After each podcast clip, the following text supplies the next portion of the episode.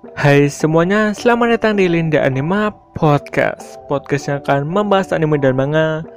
Bersama gue Lin sebagai host kalian dan selamat mendengarkan.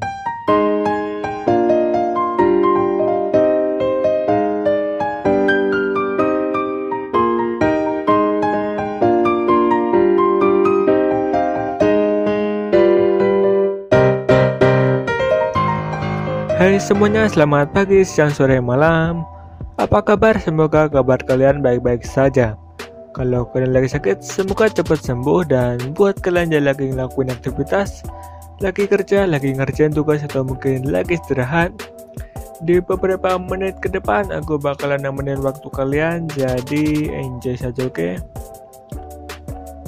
Baiklah, sudah dua minggu aku tidak nge-podcast Sebenarnya di minggu kemarin aku mau nge-reaction One Piece chapter 998 Tapi setelah aku lewati satu hari, dua hari, tiga hari Tiba-tiba chapter 999 sudah muncul. Jadi gue putuskan untuk uh, ngegabungin saja podcast kali ini.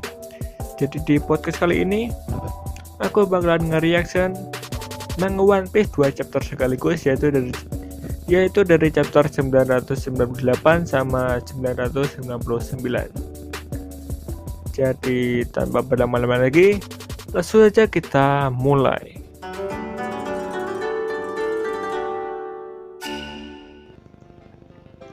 Chapter 998 dengan judul Zuan Kuno.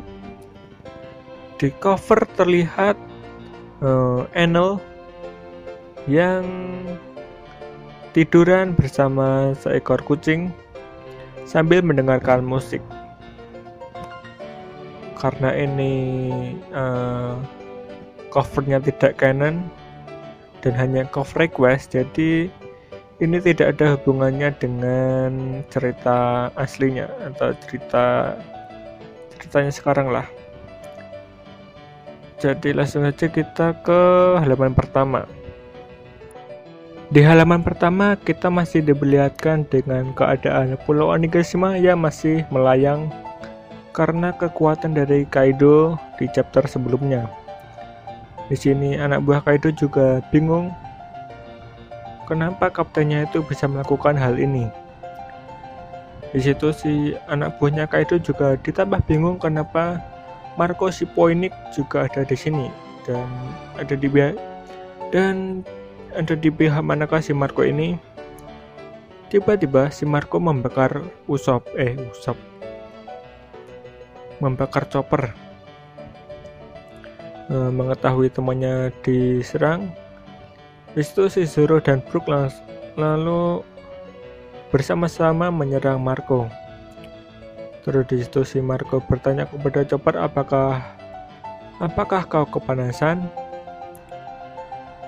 Di situ ternyata si Chopper walaupun dia terbakar tapi dia tidak kepanasan. Suhu api ini pas untuk menghentikan penyebaran virus, kata Chopper. Terus di situ datang uh, dokter Miyagi dan perawat Tristan. Mereka ini adalah dua suku Ming yang akan membantu Chopper untuk membuat vaksin terus tiba-tiba mereka berdua di, uh, didatangi oleh iblis-iblis es. Tapi untungnya di situ si Marco langsung menyerang iblis es itu dengan api miliknya. Nah di situ juga ada uh, bos Osamu. Dia adalah salah satu dari uh, pemimpin Yakuza. Dia juga sudah sembuh dari nah, belum sembuh sih. Tapi dia masih bisa selamat lah dari iblis es ini. Berkat api si Marco. Di sini si Marco ini menyelamatkan semua orang ya. Jadi walaupun dia menyerang menggunakan api tapi apinya ini bisa menyembuhkan uh, bisa menyembuhkan iblis es ini virus iblis es di situ lalu uh, si Marco Di sini Marco sudah paham dengan keadaannya dan dia akan membantu membantu Zoro untuk pergi ke atap ke atap Onigashima ke atas lah menuju Kaido. Terus di sini si Robin dan Brook juga akan ikut ke ke sana tapi mereka bingung siapa yang akan melindungi Chopper di sini. Terus di situ si kakak Yogoro dan bos Yakuza yang lainnya uh, akan membantu Chopper untuk menangani tempat ini. Tapi si Apo yang di chapter sebelumnya sudah ditebas Zoro kini bangkit dan berniat untuk uh, mengambil vaksin itu kembali. Tapi tiba-tiba Ekstrak lalu berubah ke mode zuannya dan menggigit Apo. Dengan buah iblisnya, Zuan purba model Allosaurus. Di situ uh, si Ekstrak ini meminta kepada Zoro agar menyerahkan tempat ini kepadanya. Kita pindah tempat ke tempatnya Jinbe. Dia sedang berada dia sedang berada di lantai, di lantai 4 dan uh, di sini Jinbe dan Luffy berpendapat mungkin saja Sanji menemukan musuh yang tangguh di lantai 3. Jadi mereka berdua ini tidak tahu kalau Sanji ini uh,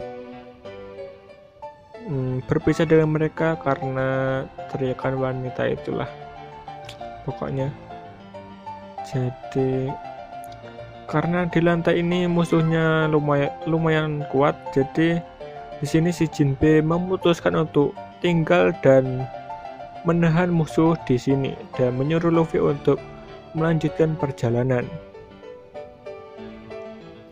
Kita pindah ke lorong tengah tempatnya Frankie. Di sini Frankie dengan General Frankie yaitu robotnya sedang bertarung dengan Sasaki dan anak buahnya. Setelah anak buahnya Sasaki ini kewalahan, di sini Sasaki eh, langsung langsung menyerang Frankie dan berubah ke mode Zuan purbanya yaitu buah iblis Ryunomi model Triceratops. Triceratops. Pokoknya ini adalah dinosaurus yang memiliki kulit yang sangat tebal mirip badak gitulah terus kita pindah tempat lagi ke lantai 3 di ruang perjamuan di sini masih diperlihatkan Sanji yang dikejar-kejar oleh Black Maria dan para anak buahnya. Di sini juga kita diberitahu uh, Zuan milik Black Maria ini yaitu Ibu Iblis Kumo Kumo model Rosam Rosam Gel Grauvogeli apalah inilah. Pokoknya buah iblisnya ini sejenis laba-laba atau tarantula. Tapi yang model kuno Zuan. Gitulah terus. Di sini tidak mungkin Sanji akan melawan perempuan jadi dia terus melarikan diri nah, kita pindah tempat lagi ke tempatnya Jinbe yang tadi. Tempatnya di tempat Neko Cafe. Di sini dia bertemu dengan Wusfu yang sudah berubah ke mode zuanya juga yaitu iblis Neko Neko model Sabertot atau kucing kucing bergigi pedang atau macan atau harimau bergigi pedang gitulah di sini si Luffy sudah melanjutkan perjalanan dan sedang menuju ke tempatnya Kaido. Dari percakapan mereka berdua mungkin bisa kita simpulkan bahwa si Wuswu ini mengenal Jinbe saat dia berada di Shichibukai. Tapi di sini si Jinbe tidak mengenalinya karena si Wuspu ini memakai topeng. Ya, walaupun si Wuspu ini sudah berubah ke mode Zuan, tapi dia masih menggunakan topeng yang menutupi wajahnya, jadi Jinbe tidak mengenali siapa dia, dan dia menyuruh menyuruh orang yang ada di depannya itu yaitu Wuspu untuk membuka topengnya agar dia tahu wajah asli dari orang itu terus kita uh, pindah tempat lagi di luar tengkorak raksasa. Di sini juga diperlihatkan Pack One dan Ulti yang juga sudah berubah ke mode suanya yaitu Pack One dengan buah iblis Roryu model Spinosaurus dan Ulti dengan buaya iblis Roryu model Pachypalosaurus. Pokoknya eh, dinosaurus yang mempunyai apa kepala yang tebal gitulah.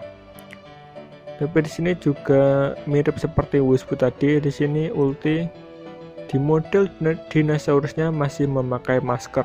Jadi terlihat nah, menurutku sedikit jelek sih. Terus kita pindah tempat lagi ke uh, gudang gudang dari tengkorak raksasa. Di sini ada Yamato Momonosuke ya dan Shinobu.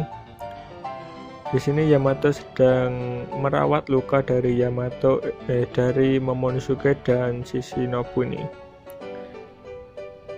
Saat mereka ini sedang mengobrol-ngobrol di situ uh, ada patung patung naga yang terlihat rusak terus di situ si Momonosuke uh, bertanya kenapa ada patung naga di sini. Di situ si Yamato menjelaskan bahwa patung ini dulunya ada di uh, di depan pulau atau dipajang di depan pulau tapi patung ini dirusak oleh temannya. Jadi sekarang patung ini dibuang di di gudang inilah terus di panel terakhir kita diperlihatkan temannya Yamato ini yang dimaksud dianya adalah S dan mengatakan bahwa beberapa tahun yang lalu Lelaki itu datang untuk membunuh ayahnya, yaitu Kaido. Dan yang seperti yang sudah aku bilang tadi bahwa di sini diperlihatkan siluet dari Portas DX DS S uh, apalah itu namanya. Dan berakhir, berakhirlah One Piece chapter 998 ini. Jadi Langsung saja kita ke chapter berikutnya yaitu chapter 999 dengan judul Sake yang kau buat ketika menunggumu. Di sini kita flashback uh, ke ingatannya si, si Yamato tadi. Di sini diperlihatkan Ash yang sedang bertarung melawan Yamato. Di sini S memperkenalkan dirinya bahwa namanya adalah S dan dia datang ke sini untuk membunuh Kaido.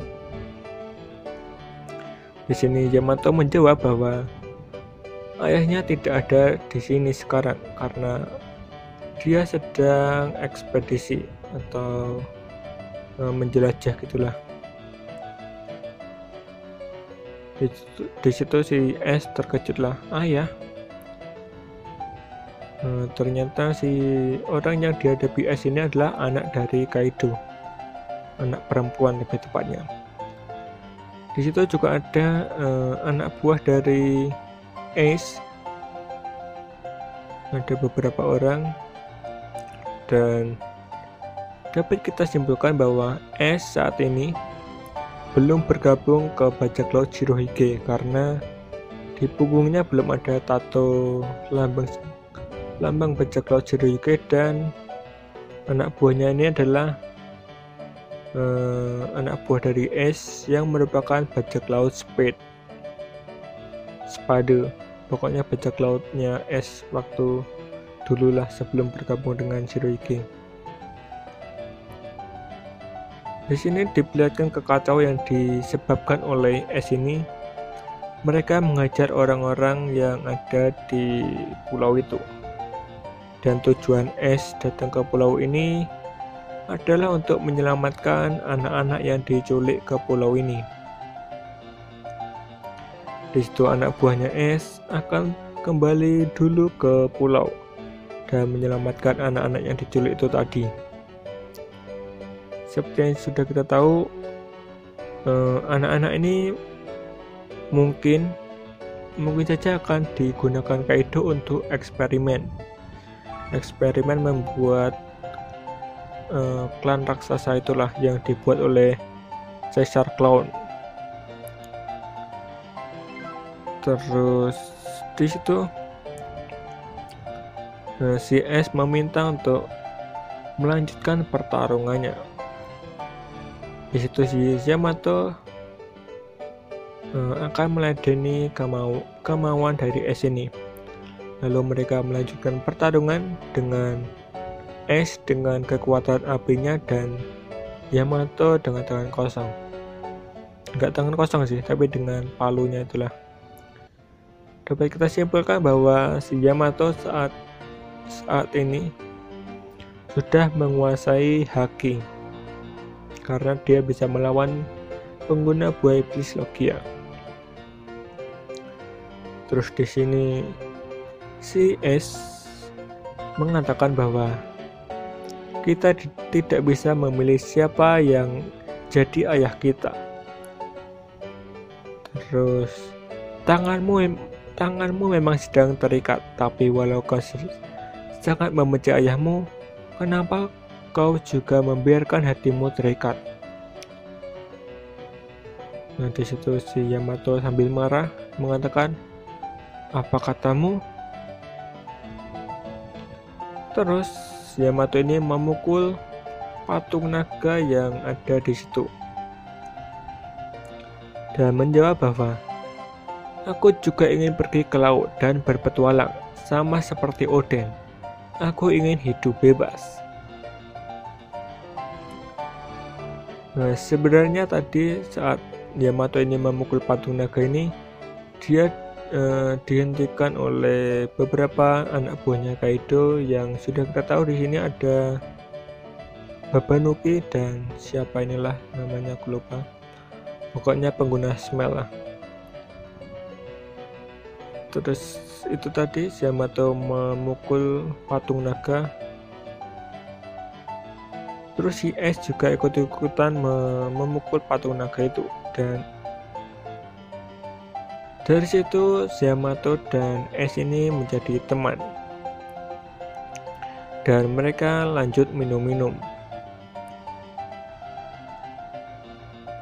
Terus di situ mereka ngobrol-ngobrol dan Yamato berharap kalau saja dia bisa melepaskan diri dari borgol ini, dia pasti juga akan pergi ke laut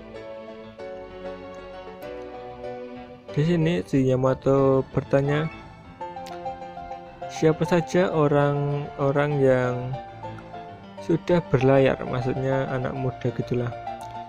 Di sini si S menjawab bahwa ada pemuda yang menyebut diri, dirinya itu Cavendish. Dia sangat terkenal. Cavendish dan ada juga Kit yang ada dari selatan, laut di utara, BG di barat, dan si Yamato ini bertanya siapa yang paling kuat. Dan si S menjawab bahwa yang paling kuat di antara mereka adalah adiknya Di sini, di sini dengan semangat si S ini bercerita tentang adiknya yaitu Monkey D. Luffy yang beberapa tahun akan berlayar dan pasti dia akan membuat badai yang besar.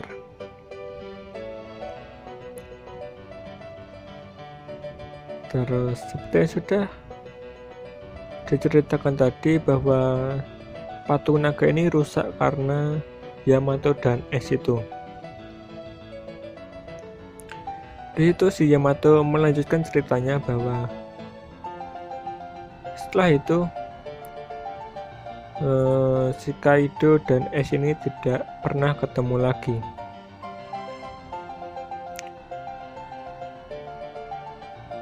Terus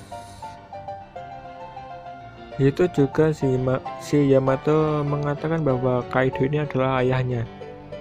Mendengar hal itu si Momonosuke dan Shinobu terkejut dan langsung menjauh gitu tapi di sini uh, Yamato mencoba meyakinkan mereka bahwa dia berada di sisi Oden Kosuke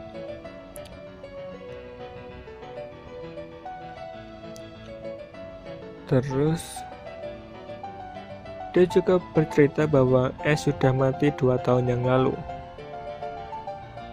Di tempat lain, tepatnya di tempatnya Nami dan Otama di sini juga eh, si Otama juga bercerita tentang S bahwa dulu eh, sebelum Luffy datang ya dia menunggu Es untuk kembali ke Onigashima.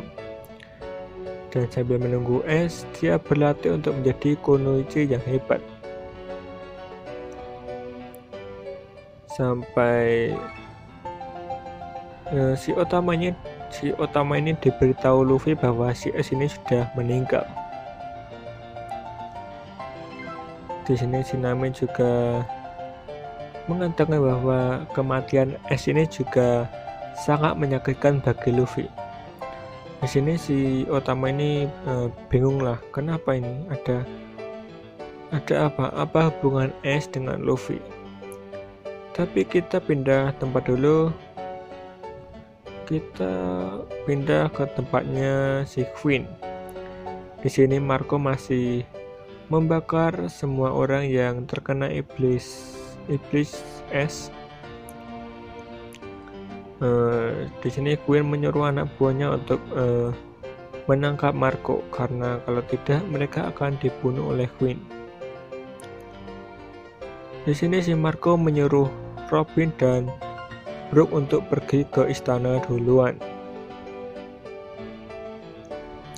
Di situ si Marco terkepung oleh banyak sekali anak buah Queen. Tapi di situ si Marco menanyakan kepada Zoro apakah dia sudah siap? Lalu si Zoro menjawab bahwa aku mengandalkanmu terus setelah itu Marco berubah ke mode Zuan Poinik miliknya dan terbang sambil membawa Zoro. Hmm, di sini si Marco ini Eh, mencengkeram bahu Zoro dan mengangkatnya. Ya tidak sesuai ekspektasi sih. Kan kita eh, berhayalnya atau kira-kira nanti pasti Zoro akan naik ke punggung Marco dan terbang itu, tapi ternyata tidak bro, tidak. Ternyata si Zoro ini cuman diangkat eh, diangkat pakai kakinya gitulah. Kalau di bahasa Jawa namanya di cengkiwing. Di bahasa Indonesia apa ya? Ah, entahlah. Jadi si Marco sedang menuju atap sambil membawa Zoro dan di sini kita flashback lagi uh, ke kapalnya Shirohige waktu itu uh, di sini si Shirohige Eh, menegaskan lagi bahwa kursi komandan divisi 2 dulunya itu diisi oleh Oden Kosugi. Tapi Oden Kosugi ini mati beberapa tahun yang lalu. Sudah lama sih. Tapi mereka baru mengetahui itu setelah setelah ya pokoknya nggak sempat tahu gimana ya jelasinnya Hmm, pokoknya si Shiroyuki ini ingin datang ke Wano tapi tidak jadi atau tertunda berkali-kali dan dia sangat menyesal karena tidak bisa menolong temannya itu dan memberitahu bahwa si Oden Kosuke uh, dibunuh oleh Kaido. Di sini si S berniat uh, untuk pergi ke Wano lagi dan dia akan me menyerang atau membunuh Kaido karena karena dia juga sudah berjanji kepada seseorang. Siapa seseorang itu mungkin saja itu Yamato atau kalau tidak Otama. Terus si Shiroike menegaskan bahwa orang sekuat Kosuke Oden berhasil dikalahkan oleh Kaido. Jadi dia tidak akan membiarkan Es untuk melawan Kaido seorang diri. Di situ si Es dipukul sampai banyak dan di sini juga masih ada Teach yang masih menjadi anggota Shiroiki dan dia juga memud memuji kekuatan dari Oden Kosugi. Dia mengatakan bahwa Oden Kosugi ini sangat kuat.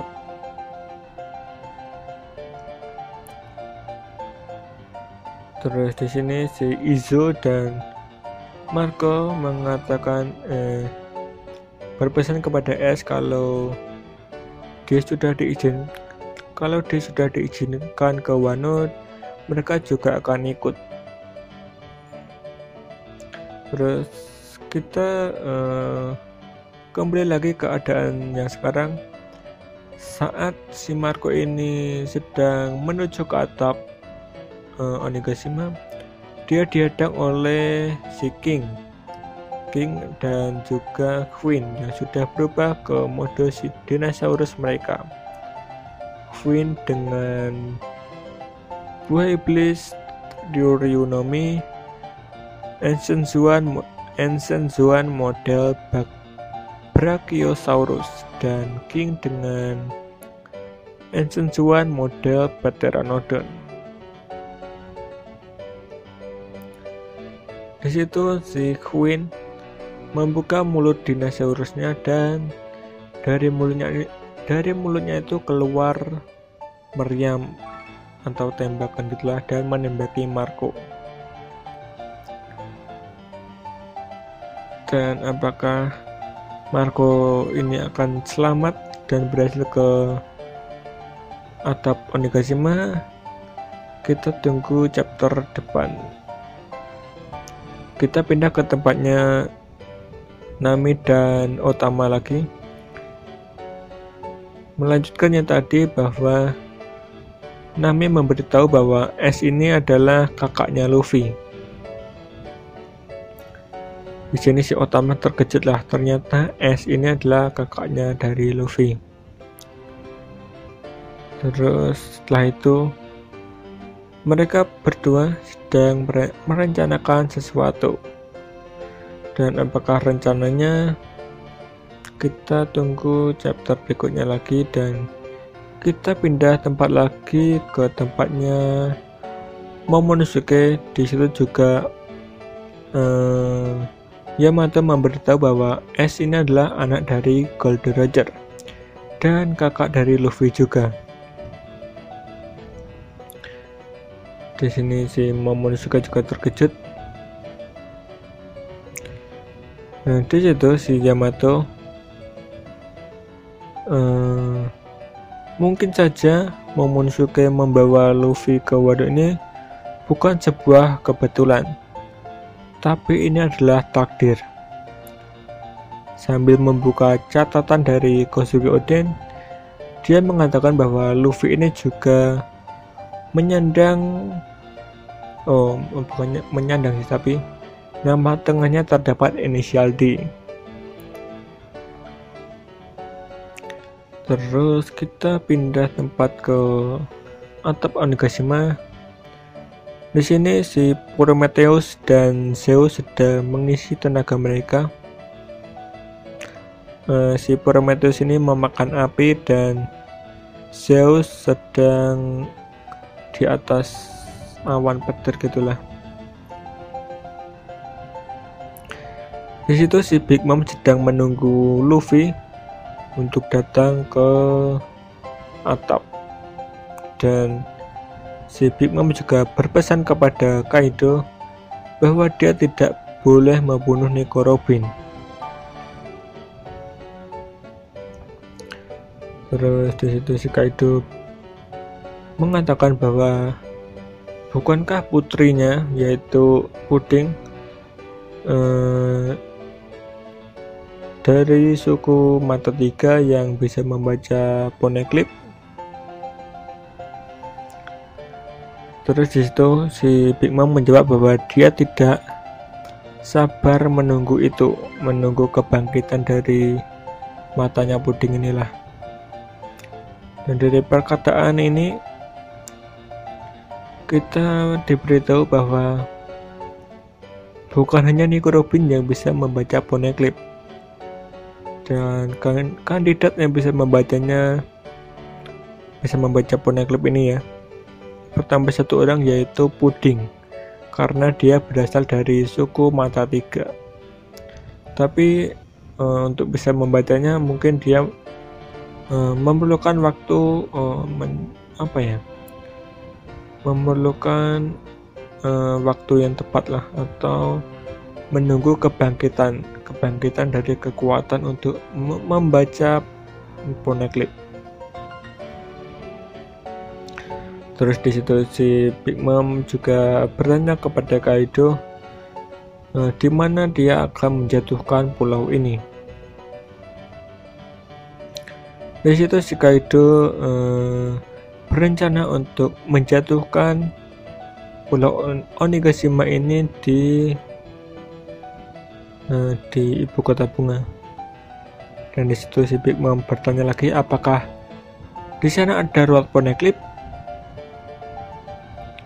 Dan di situ si Kaido marahlah dan mengatakan bukankah masih terlalu cepat bagimu untuk menunjukkan dirimu yang sebenarnya? Big Mom yang mendengar itu juga langsung marah dan mengatakan, "Jangan menghina aku. Bahkan sampai sekarang pun, aku masih menganggapmu sebagai adik kecilku." Pada hari itu, di Good Valley, saat bajak laut rock hancur, akulah yang memberimu buah mystical Zuan Fish Fish Nomi. Uh, apa ya? Uh, pokoknya buah iblis ikan-ikan lah kau ber kau berutang nyawa kepada aku Kaido di situ si Kaido cuma menjawab bicara saja semaumu. Kita bisa menyelesaikan itu setelah nanti kita mendapatkan One Piece.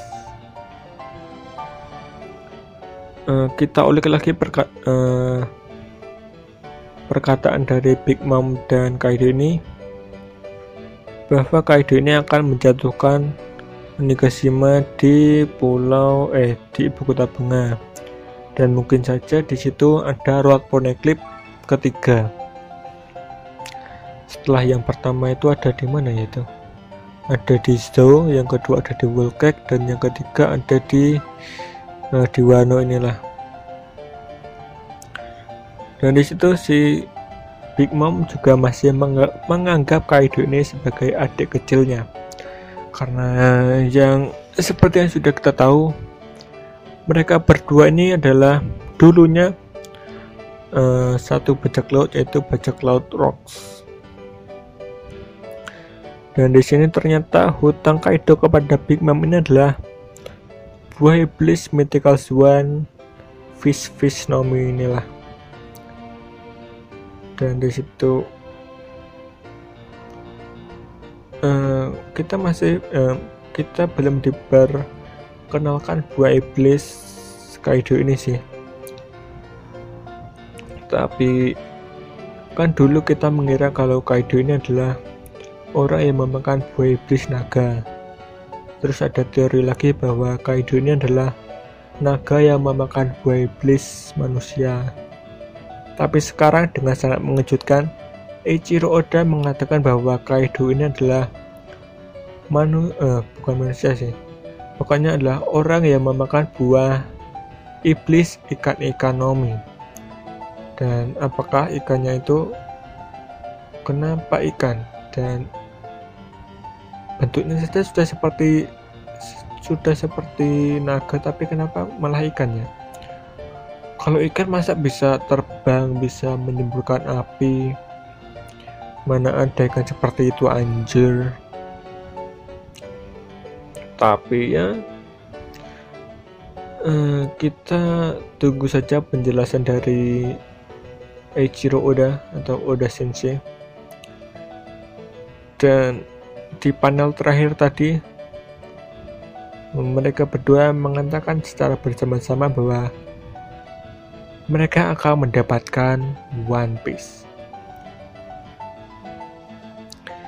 Di sini uh, sudah kita kita tahu bahwa mereka berdua ini se, sedang beraliansi dan tidak akan membunuh satu sama lain.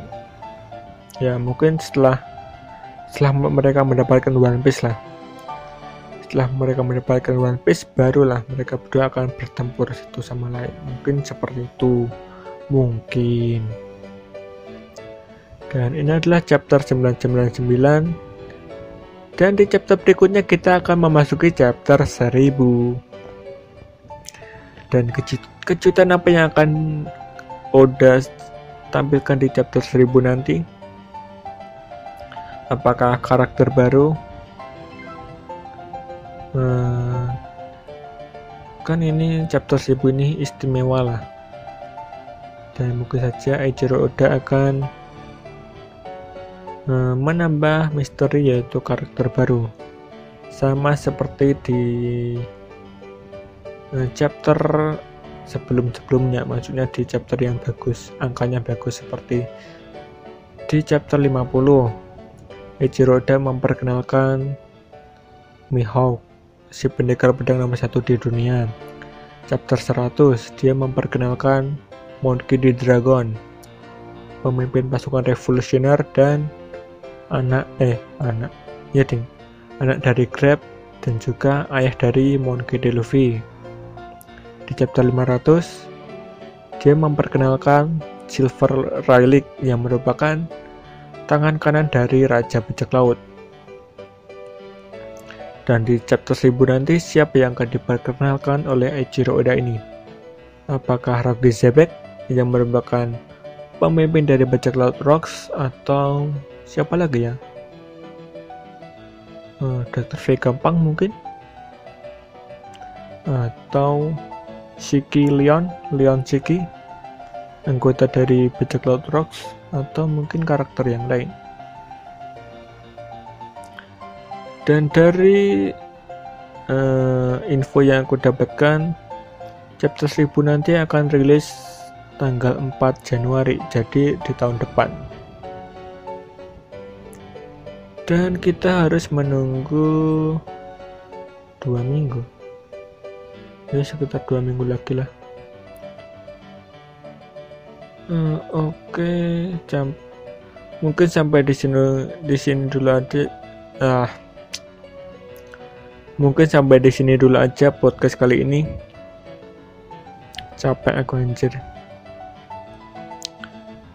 Kalau kalian mau uh, mempunyai kritik dan saran kalian bisa tulis saja di YouTube YouTube gue lah Linda Anima namanya.